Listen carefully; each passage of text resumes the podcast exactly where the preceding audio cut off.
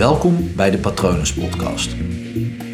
Mijn naam is Paul Vet en in deze podcast deel ik inspiratie voor een leven vol vrijheid en verbinding.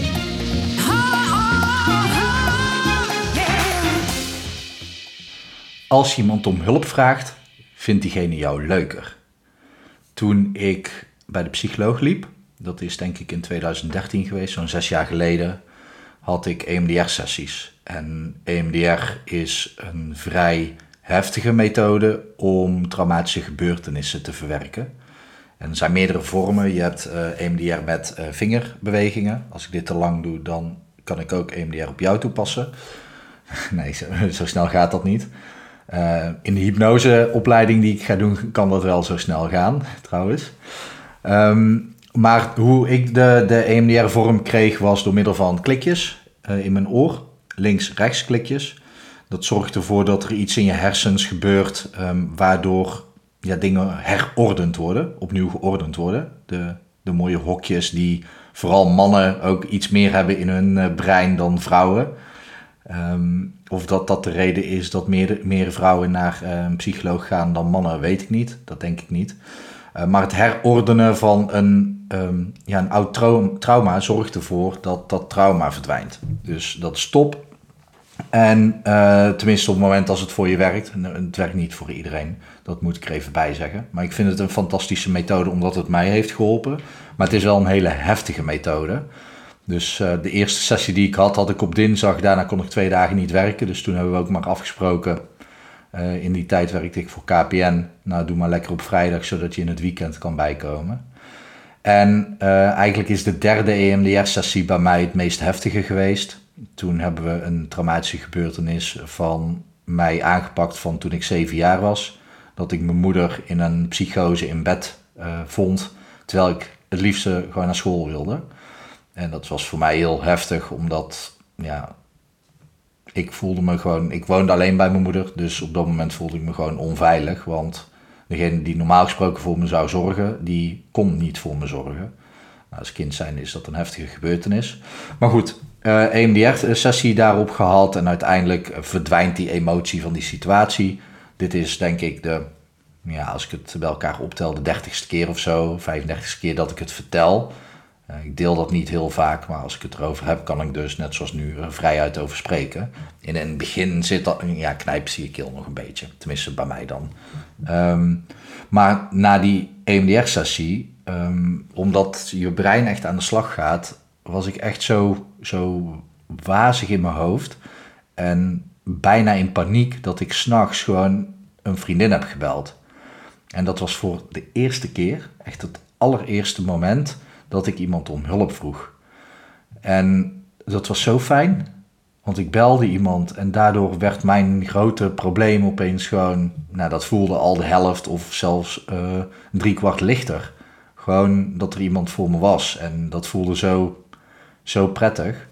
Dus het, het vragen van hulp vinden we vaak heel lastig. Het geven van hulp, het bieden van hulp, dat vinden we heel gewoon. En het ontvangen van hulp is eigenlijk gewoon heel erg fijn. Dus zou je denken, ja, wat is dan de reden dat om hulp vragen gewoon niet vaker wordt gedaan? Um, ja, daar zijn wel meerdere redenen voor. Misschien kom ik daar een andere keer op terug. Maar de, uh, waar ik het nu vooral over wil hebben is um, waarom om hulp vragen je ook gewoon meer likable maakt. Waardoor mensen jou uh, leuker vinden. En gewoon heel simpel. Op het moment als, als jij dus iemand om hulp vraagt, dan vindt diegene zich uh, bijzonder, speciaal. Dat, dat jij naar hem toe gaat om hulp te vragen. Uh, dus de, de, de verbinding die je met diegene hebt, wordt gewoon sterker. Uh, daarnaast zijn ze ook blij als ze kunnen helpen. En het blijkt dus zo dat mensen je dus gewoon echt ja, leuker gaan vinden op, het moment dat jij ze om hulp vraagt. Omdat ze dus van toegevoegde waarde kunnen zijn. Ze voelen zich ook trots omdat ze kunnen helpen. Dus ongeacht waarmee uh, je ze helpt of zij jou helpen, dat maakt niet uit. Zij, zij voelen zich trots dat ze iets voor je kunnen doen. Dat ze van waarde kunnen zijn, dat ze van betekenis kunnen zijn. Volgens het model van Tony Robbins is dat een basisbehoefte van een mens. Dus die kan jij bij een ander gewoon opvullen door hen om hulp te vragen. Um, en uh, drie, En dat is ook wel een leuke. De rol wordt misschien zelfs eventjes omgedraaid. Het kan zijn dat, ehm, ja, het ligt er even aan, hoe jullie verstandhouding is. Hoe de verstandhouding is die je met de ander hebt. Maar op het moment als jij nooit om hulp vraagt, dan zou het zomaar eens kunnen zijn dat jij de neiging hebt, laat ik het voor mezelf zeggen. Ik heb heel vaak de neiging gehad en soms nog om boven de ander te gaan staan. Want ik kan het zelf, maar dat zorgt er ook voor dat ik een, een soort van koudere afstandelijkheid creëer tussen mij en de ander, waardoor er een scheve verhouding ontstaat. En het zomaar zou kunnen zijn dat de ander het ervaart alsof ik altijd boven de ander ga staan. Terwijl als ik om hulp vraag, dan, dan worden de verhoudingen weer wat meer gelijk getrokken. Of mm, ga ik er zelfs onder staan en laat ik de ander uh, komen als mentor, als gids, als, nou ja, ik neem dit op voor de Patronus podcast, als de Patronus voor jou. Dus dat maakt, maakt de relaties heel gezond. Het werkt niet op het moment als het altijd maar eenrichtingsverkeer is. Dus op het moment als jij om hulp vraagt, dan, dan heeft dat gewoon heel veel voordelen voor jouzelf. Je wordt er dus gewoon leuker door uh, gevonden. En uh, je versterkt gewoon erg de verbinding met degene die je om hulp vraagt.